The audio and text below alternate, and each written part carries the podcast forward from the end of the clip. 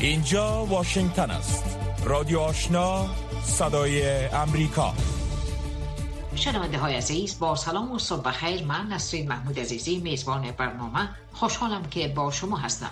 در آغاز برنامه اخبار افغانستان منطقه و جهان را از همکارم احد عزیزاده میشنوید. با عرض سلام. به دنبال مظاهرات شهروندان افغان در مقابل سفارت ایران در کابل و قنسولگری آن کشور در هرات وزارت خارجه ایران از حکومت طالبان خواسته است که امنیت کامل سفارت و نمایندگی های جمهوری اسلامی ایران را در افغانستان تأمین کند. ده نفر به شمول زنان روز دوشنبه در مقابل سفارت ایران در شهر کابل تجمع کرده و بدرفتاری با مهاجران افغان مقیم ایران را نکوهش کردند. در شهر هیرات گروهی از معترضان خشمگین روز دوشنبه در برابر کنسولگری ایران تجمع کرده و ضمن سردادن شعارهای ضد ایران بر ساختمان کنسولگری سنگ پرتاب کرده و نیز در اطراف آن آتش افروختند. به همین ترتیب شماری از افغانها در ولایت خوست در اعتراض به برخورد نادرست و ناشایسته حکومت و برخی از شهروندان ایران با مهاجران افغان مقیمان کشور مظاهره کرده و از حکومت ایران خواستند که جلب بدرفتاری با مهاجران افغان را بگیرند. در واکنش به این مظاهرات سعید خطیبزاده سخنگوی وزارت خارجه ایران گفته است که این مسئولیت قطعی هیئت حاکمه سرپرست افغانستان است تا از اماکن دیپلماتیک پاسبانی کند. او گفت امنیت کامل سفارت و نمایندگی های جمهوری اسلامی ایران در هرات و دیگر شهرهای افغانستان باید به طور کامل تأمین و تضمین های لازم برای فعالیت امن این نمایندگی ها ارائه شود. در پی افزایش سر و صداها مبنی بر بدرفتاری با مهاجران افغان در ایران امیرخان متقی سرپرست وزارت خارجه حکومت طالبان روز یک شنبه با بهادر امینیان سفیر ایران مقیم کابل دیدار کرد و مراتب نگرانی این گروه را نسبت به خشونت با افغانها در ایران ابراز داشت.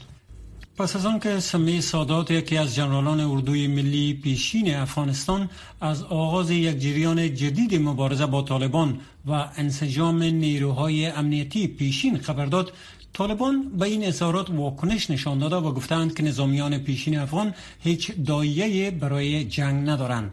آقای سادات روز یک شنبه به صدای امریکا گفته بود که مذاکره با جنرالان و افسران بلند رتبه و شماری از سیاستمداران افغانستان جریان دارد و روند انسجام نیروهای امنیتی پیشین به ویژه نیروهای اردوی افغانستان به زودی آغاز خواهد شد.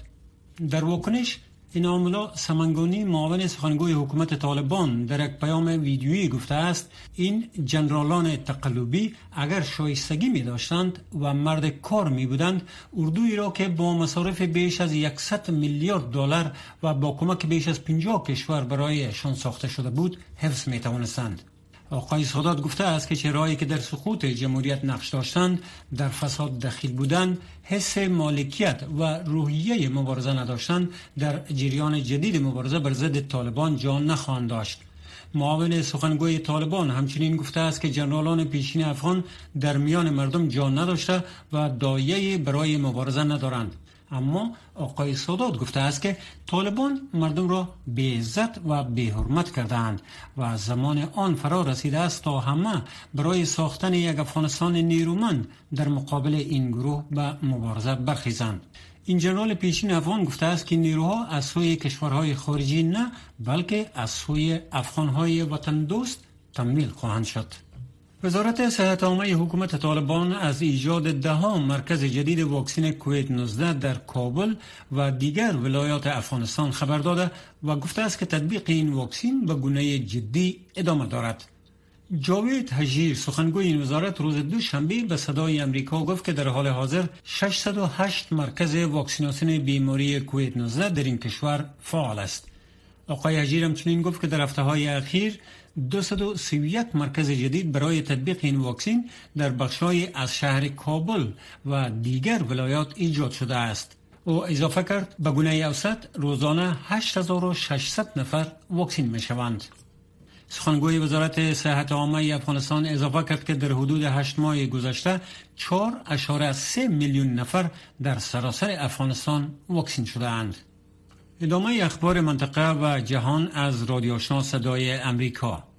شهباز شریف صدر جدید پاکستان روز دوشنبه پس از یک هفته نارامی سیاسی که منجر به برکناری عمران خان صدر پاکستان شد خواستار اتحاد گردید. شریف در داخل ریاست جمهوری در مراسم کوتاه حلف وفاداری یاد نمود. آغاز صدارت شریف تضمین کننده یک مسیر مسالمت آمیز به جلو یا حل بسیاری از مشکلات اقتصادی کشور از جمله تورم بالا و بحران فزاینده انرژی نیست. اگر پیروان خان همانطور که او قول داده است به خیابانها برایند می‌تواند فشار بیشتری بر قانونگذاران ایجاد کند و بحران را عمیقتر سازد. جو بایدن رئیس جمهوری ایالات متحده در یک مکالمه ویدیویی با نریندرا مودی صدراعظم هند بر ارزش های مشترک هر دو کشور در حال تأکید کرد که واشنگتن بر دهلی جدید فشار می آورد تا در مخالفت با تهاجم روسیه بر اوکراین موقف گیری کند.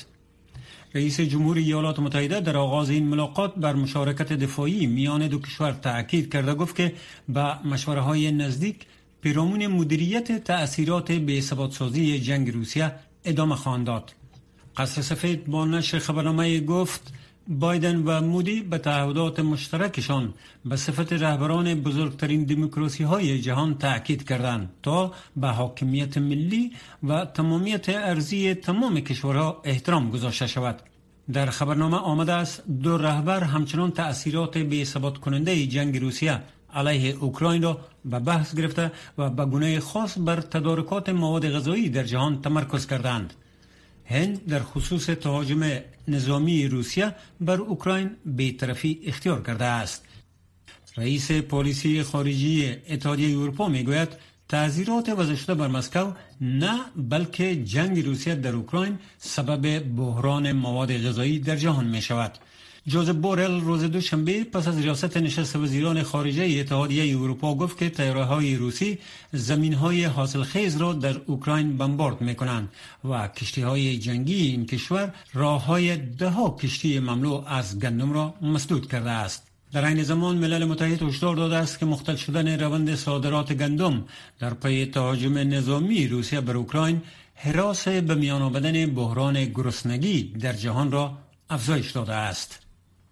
مقام های روسی روز دوشنبه گفتند که چهار دستگاه دافع هوای S-300 که از سوی کشورهای اروپایی به اوکراین فراهم شده بود توسط راکت های کروز نظامیان روسیه از بین رفته است.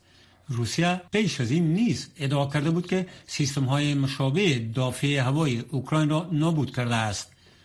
سلواکیا که عضو ناتوست سیستم دافع هوای S-300 را به اوکراین داده است. اما این کشور ادعای روسیه مبنی بر تخریب این سیستم را رد کرده است. لوبیکا جانیکو سخنگوی حکومت سلواکیا گفت سیستم S-13 از بین نرفته است.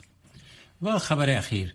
پلیس امنیت ملی هنگ کنگ روز دوشنبه یک خبرنگار و نویسنده سابق روزنامه لیبرال استندرد نیوز را به اتهام آشوب دستگیر کرد. سرکوب رسانه ها بر اساس قانون ضد آشوب که مربوط به دوران استعمار انگلیس است با عنوان قانون امنیت ملی تحمیل شده توسط چین چندین رسانه بزرگ مورد یورش پلیس قرار داده و بسته شده است. پلیس در بیانیه گفته است که ریاست امنیت ملی یک مرد 54 ساله را به اتهام اجتماع برای نشر نشریات فتنه انگیز دستگیر و برای تحقیقات بیشتر توقیف کرده است. پایان اخبار افغانستان منطقه و جهان تا این ساعت از رادیو آشنا صدای امریکا.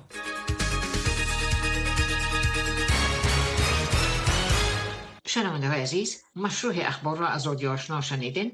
آن هم توجه نمایید به گزارش های این بخش.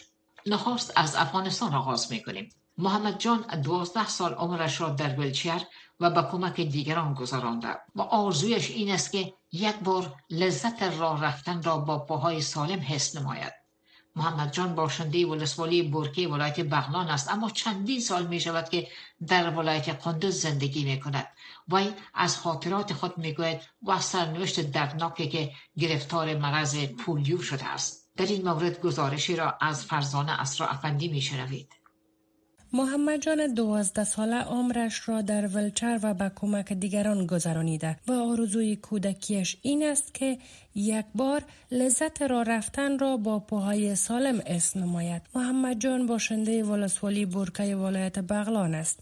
اما چندین سال می شود در ولایت کندوز زندگی می کند. وی از خاطرات خود می گوید و سرنوشت دردناک که گرفتار مرض ناعلاج پولیو شده است. وی گفت یادم نیست چی زمان معیوب یا هم پولیو شدم اما از زمان که می‌دانم روی ولچر هستم و این آلت وابستگی به دیگران خیلی ناراحت کننده است. من می خواهم در آینده دکتر شوم و به دورترین نقاط افغانستان سفر بکنم. خانواده ها را از خطر پولیو و ای که باید کودکانشان را واکسین پولیو بکنند آگاه نمایم. مشکلی که مرا آزار میده اینمی مشکل جسمی است که برای من پیش آمده است. سبب افسردگی میشه و سخت آزاردهنده است. در زندگی و یگانه مشکلی که رنج می‌بریم از نایه می‌باشد خانواده محمد جان از اثر جنگ و ناامنی در آن زمان نتوانستند محمد جان را واکسین پولیو بکنند و اما اعضای خانواده به خاطر اینکه محمد جان به پولیو مصاب شده و را رفته نمی‌تواند ناراحت هستند. نجیب برادر بزرگتر از محمد جان است. او می‌گوید در ولسوالی ما جنگ بود و مردم اصلا به دکتر و دوا دسترسی نداشتند. وی به خانواده ها چنین گفت. برای خانواده که اطفال خود واکسین بکنن به خاطر که اگر واکسین نکنن مثل بیادر ما فلج باشه و زندگی کده نمی‌تونه دیگه همیشه برای خانواده یک جگرخونی است. هر وقت طرفش سعی کنه آدم به خاطر غفلت که کردیم مثلا واکسین نکردیم. همیشه وقت طرفش سعی کنیم جگرخون ناراحت می باشه فریبا یزدانی یک تن از روانشناسان خانواده در ولایت کندز است. و ای گفت استفاده از الفاظ مناسب و محترمانه برای برخورد صحیح با معلولین باعث می شود تا افراد معلول اس کمبودی و متفاوت بودن از بقیه را نداشته باشند. خانواده ها وظیفه دارند. تا حد امکان شرایط فراهم کنند. تا فرد مصاب به پولیو و یا معلول در خانواده اس کمبودی و ناتوانی را نکنند. و بتوانند با شرایط عادی جامعه به پیش برند به گفته مسئولین صحی افغانستان عدم آگاهی از موثریت واکسین ضد پولیو باعث می شود تا بار دیگر شمار مبتلایان فلج اطفال در افغانستان بیشتر شود.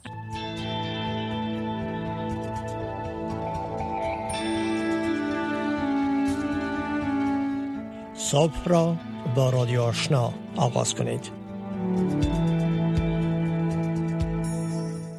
در هفته های اخیر اخراج پناهجویان افغان از ایران بار دیگر افزایش یافته است. وزارت مهاجرین و عودت کنندگان حکومت طالبان گفت در یک ماه گذشته حدود 23 هزار مهاجر افغان عمدتا به زور از ایران به افغانستان برگردانده شدند. همکار ما با آصف استانگزی رئیس مرکز حمایت و بهبود امور مهاجرین در ایران در مورد وضعیت مهاجرین افغان در ایران مصاحبه انجام داده است. که یک جا با آن گوش می دهیم با تشکر خانم استانگزی که به ما فرصت دادین تا با شما صحبت بکنیم.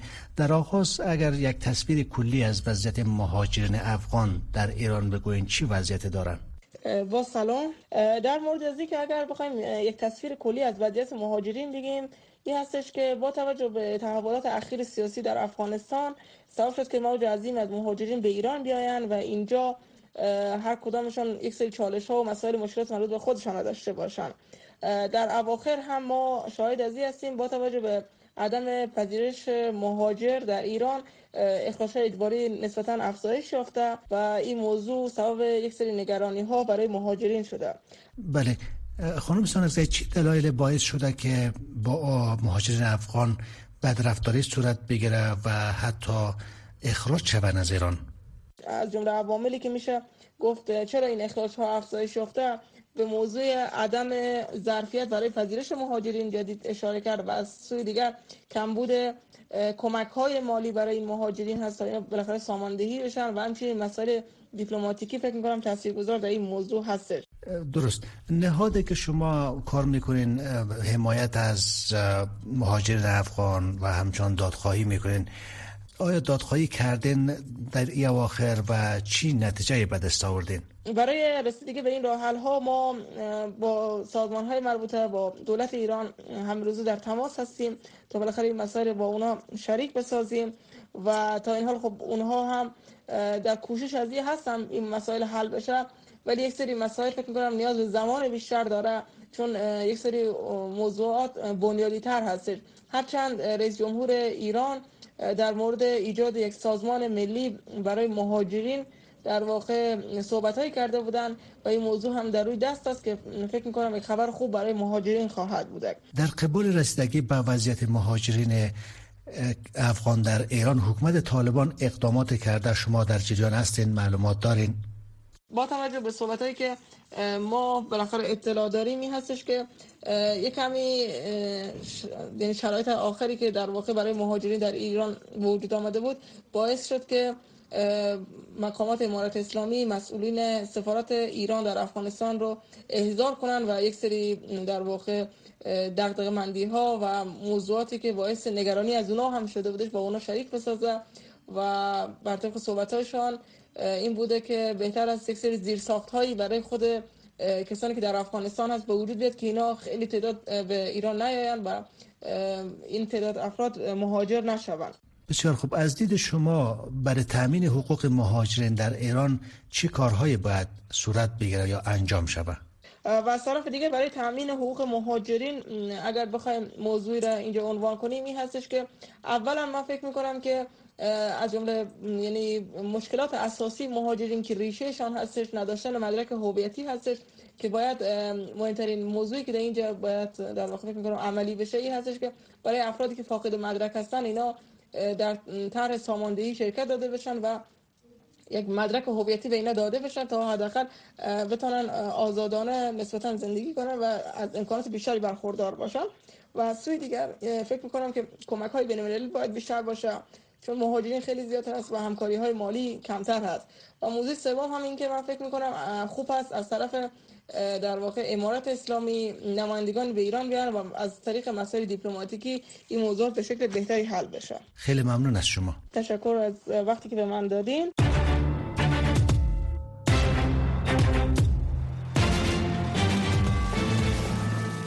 روکو راست. صحبت های داغ صاحب نظران و نظریات شنوندگان در مورد خبرها و مسائل روز هر شام از ساعت 8 تا 9 شب در برنامه مشترک دری و پشتوی رادیو آشنا صدای امریکا.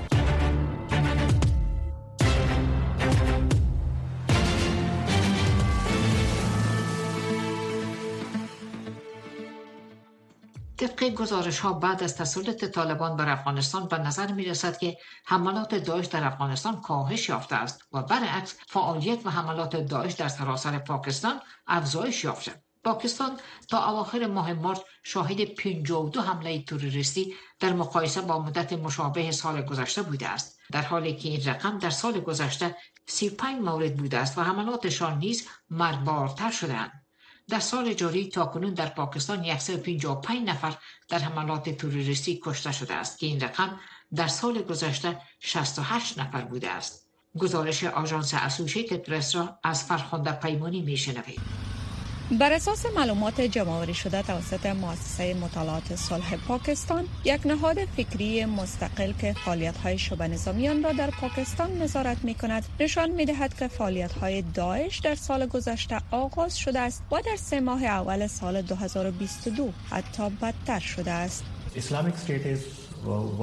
داعش یا دولت اسلامی یکی از بزرگترین تهدیدهای تروریسم برای پاکستان است و به طور مداوم خود را متحول می کند و پس از تسلط طالبان بر کابل این گروه در تلاش است تا نه تنها در افغانستان بلکه در پاکستان نیز عملیات خود را گسترش دهد. این در حال است که این گروه مسئولیت بدترین حملات را تا به حال بر عهده گرفته است. از جمله حملات مرگبار با اردوی پاکستان در جنوب غربی بلوچستان جایی که این گروه نیز در حال مبارزه با جنبش جدایی طلبانه خشونت آمیز. می باشند در حالی که رئیس جدید استخبارات طالبان برای شرق افغانستان زمانی که داعش به قریه او در ولایت ننگرهار نقل مکان کرد دوره نوجوانیش را می گذراند می گوید به یاد دارد که در منطقهشان هر آن کسی که با عنوان طالبان معرفی شده بودند جمعآوری کردند و آنها را کشتند. اغلب آنها را سر بریدند و خانواده هایشان را مجبور به تماشای آنها کردند. ظلمونه خداغو ظلمونه د یادول وړ نه دي نو سړی چې وزن سره چې څه رقم ظلم ستاد انسان په ذهن کې راتاویږي؟ چیرې د انسان سره کده سي ظلم شوی دا دوه کړي دي انسان یې لال کړي دي په بمونی کې نه ولې دي په ووري سي زلې دي داعش در افغانستان بزرگترین آزمون امنیتی را برای حاکمان جدید طالبان که در ماه آگوست سال گذشته به قدرت رسیدند ایجاد کرد. طالبان با جدیت پاسخ دادند و مدعی شدند که تعداد زیادی از افراد وابسته به داعش را دستگیر و خانه های امن آنها را بستند که از آن جمله کشتن افراد داعش و آویزان نمودن اجساد آنان در درختان در ولایت ننگرهار در ماههای اکتبر و نوامبر را می‌توان نام برد.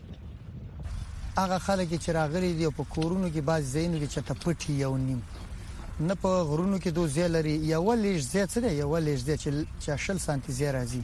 دوه زی نه لري چې په هغه کې د دوه حاکمیت نو او نه د سشته د داعش په نوم باندې او نه دلته د دوه وسغه مرکزی کومنده پاتې ده با گفته مقامات ارشد نظامی ایالات متحده از زمان خروج پرهرج و مرج این کشور از افغانستان در سال گذشته توانایی جمعآوری اطلاعات واشنگتن به شدت کاهش یافته است. در افغانستان حاکمان جدید طالبان در حال تحمیل حکومتی هستند که نشان دهنده حکم روایی خشن آنها در اواخر دهه 1990 می باشد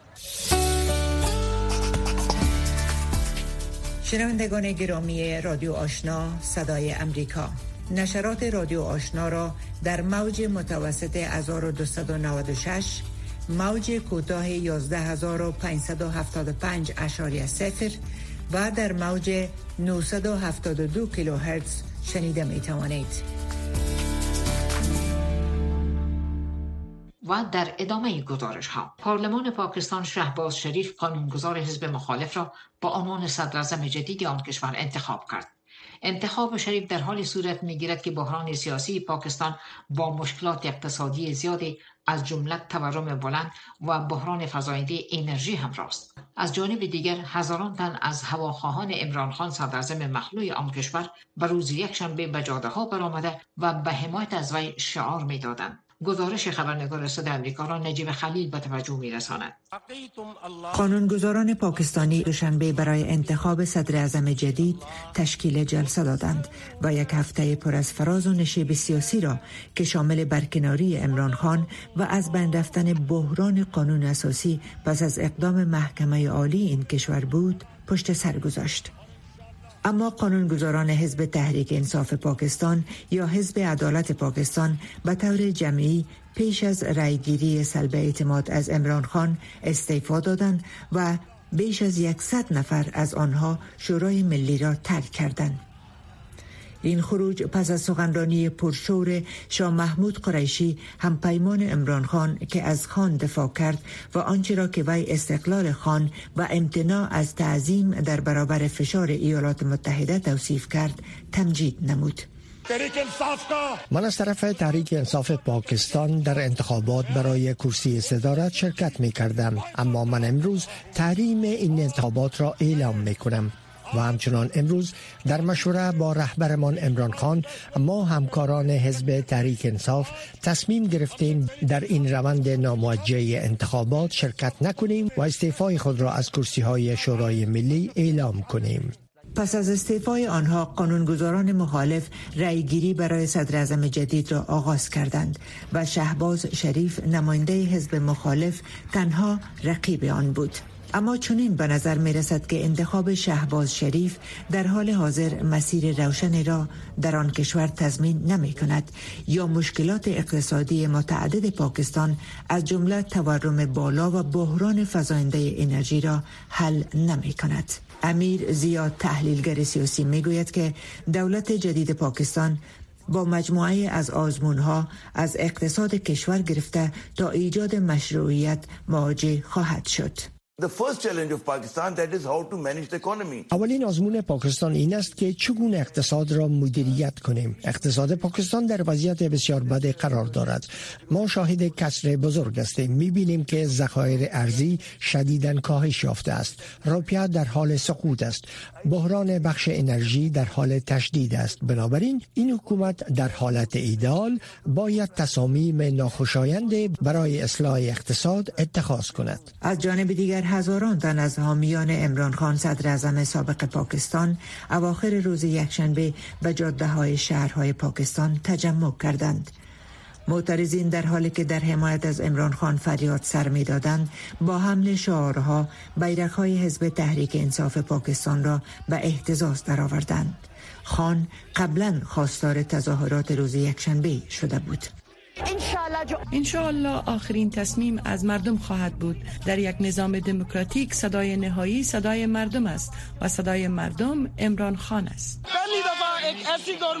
این اولین بار در پاکستان است که مردم پس از سرنگونی یک حکومت نگران هستند. مردم نگران این هستند که چرا رهبرشان برکنار شده است؟ چرا او کنار رانده شده است؟ خان ستاره سابق کرکت که ایدئولوژی محافظه کار اسلام گرایانه و استقلال سرسختانه او مشخصه سه سال و هشت ماه دوره حکومتش بود اوایل یک شنبه پس از رایگیری رای عدم اعتماد در پارلمان برکنار شد. رادیو آشنا صدای امریکا هفت روز هفته. خبر و گزارش ها و تحلیل های خبری روز. و گزارش اخیر این بخش حاکی است که وزارت دفاع روسیه با نشر یک سلسله تصاویر ادعا کرده است که قوای هوایی آن کشور وسایط زیریهی و واحدهای دافع هوای اوکراین را از بین برده است. صدای امریکا این تصاویر را به گونه مستقل تایید کرده نمی‌تواند اما کرملین همواره ادعا دارد که تنها تأسیسات نظامی اوکراین را هدف قرار می دهد ولی ویدیوهای تایید شده یک تصویر مختلط را ارائه می دارد بیشتر را از سید عزیز الرحمن می شنوید وزارت دفاع روسیه با نشر این تصاویر ادعا کرده است که قوای هوایی آن کشور یک واحد وسایط زرهی و دافع هوای اوکراین را از بین برده است. صدای امریکا این تصاویر را به گونه مستقل تایید کردن نمی‌تواند. اما کرملین همواره ادعا دارد که تنها تأسیسات نظامی اوکراین را هدف قرار می دهد ولی این ویدیوهای تایید شده یک تصویر مختلف را ارائه می کند این تصاویر مرتبط به صحنه پس از انفجارهای هفته گذشته در یک ایستگاه قطار آهن در شهر کراماتورسک اوکراین می باشد ده غیر نظامی در این حمله کشته شدند. روسیه مسئولیت این حمله را رد می کند و در عوض اردوی اوکراین را مسئول آن می داند. حمله در کراماتورسک به دنبال کشف اجساد غیر نظامیان در اطراف جاده ها و گورهای دستجمی در بوچا واقع در نزدیکی کیف پایتخت اوکراین صورت گرفت. از بلندترین مقامات حکومت روسیه یک پلان به خاطر هدف قرار دادن آن غیر نظامیانی وجود داشت که مخالف تهاجم بودند تا در برابر آنان از خشونت کار گرفته شود تا به خاطر ترساندن مردم عام و مطیع کردن آنان تلاش ها برای ایجاد دهشت صورت گیرد. ولادیمیر زلنسکی رئیس جمهور اوکراین تهاجم روسیه بر کشور خود را نسل کشی می‌خواند. که به گفته او آینده اروپا را نیز تهدید می کند کشورهای اروپایی با وجود آنکه حامیان اوکراینند ولی بیشترین بخش انرژی خود را از روسیه وارد می کنند ما باید هر کار ممکن را به خاطر افزایش تولیدات داخلی خود انجام دهیم تا بتوانیم نیازمندی اروپا را تا حد ممکن مرفوع سازیم. ولی آنها باید بدانند که هر بار و هر روزی که با وارد کردن نفت و گاز روسیه ادامه می دهند در حقیقت نسل کشی پوتین در اوکراین را تمویل می کنند سیل اوکراینی های خوشچانس که می توانند از جنگ فرار کنند همچنان به سوی پولند ادامه دارد. ولی بیشتر مردم انوز هم در شهر محاصره شده ماریوپول گیر مانده اند و هیچ امید به چشم نمی خورد ما در بس ها به ماریوپول رفتیم. چندین بار تلاش کردیم ولی متاسفانه وضعیت در اطراف ماریوپول بسیار خطرناک بود. وضعیت امنیتی خوب نبود. زمانت های امنیتی که به ما داده شده بود خوب نبود. وضعیت حتی تا حدود 20 کیلومتری ماریوپول نیز خوب نبود و ما باید برمیگشتیم. در برخی از نقاط دیگر باشندگان می‌گویند که اقاربشان برای افته ها در زیر مخروبه ها دفن مانده اند و منازلشان به ویرانه مبدل شده است. رغم ادعاهای برعکس روسیه این یک صحنه معمول غیر نظامیان است که در این جنگ به مانند اهداف نظامی آماج قرار می گیرند. شنوندگان گرامی در اینجا می رسیم به پایان بخش دوم برنامه صبح امروز رادیو آشنا. چند لحظه بعد نشرات برنامه رادیو آزادی را روی همین موج می شنوید که تا هفت شام به وقت کابل ادامه دارد. تا ساعت هفت شام که بار دیگه با نشرات رادیو آشنا در خدمت خواهیم بود با شما عزیزان خداحافظی می کنیم روز شما بخیر. خداوند یار و یاورتان.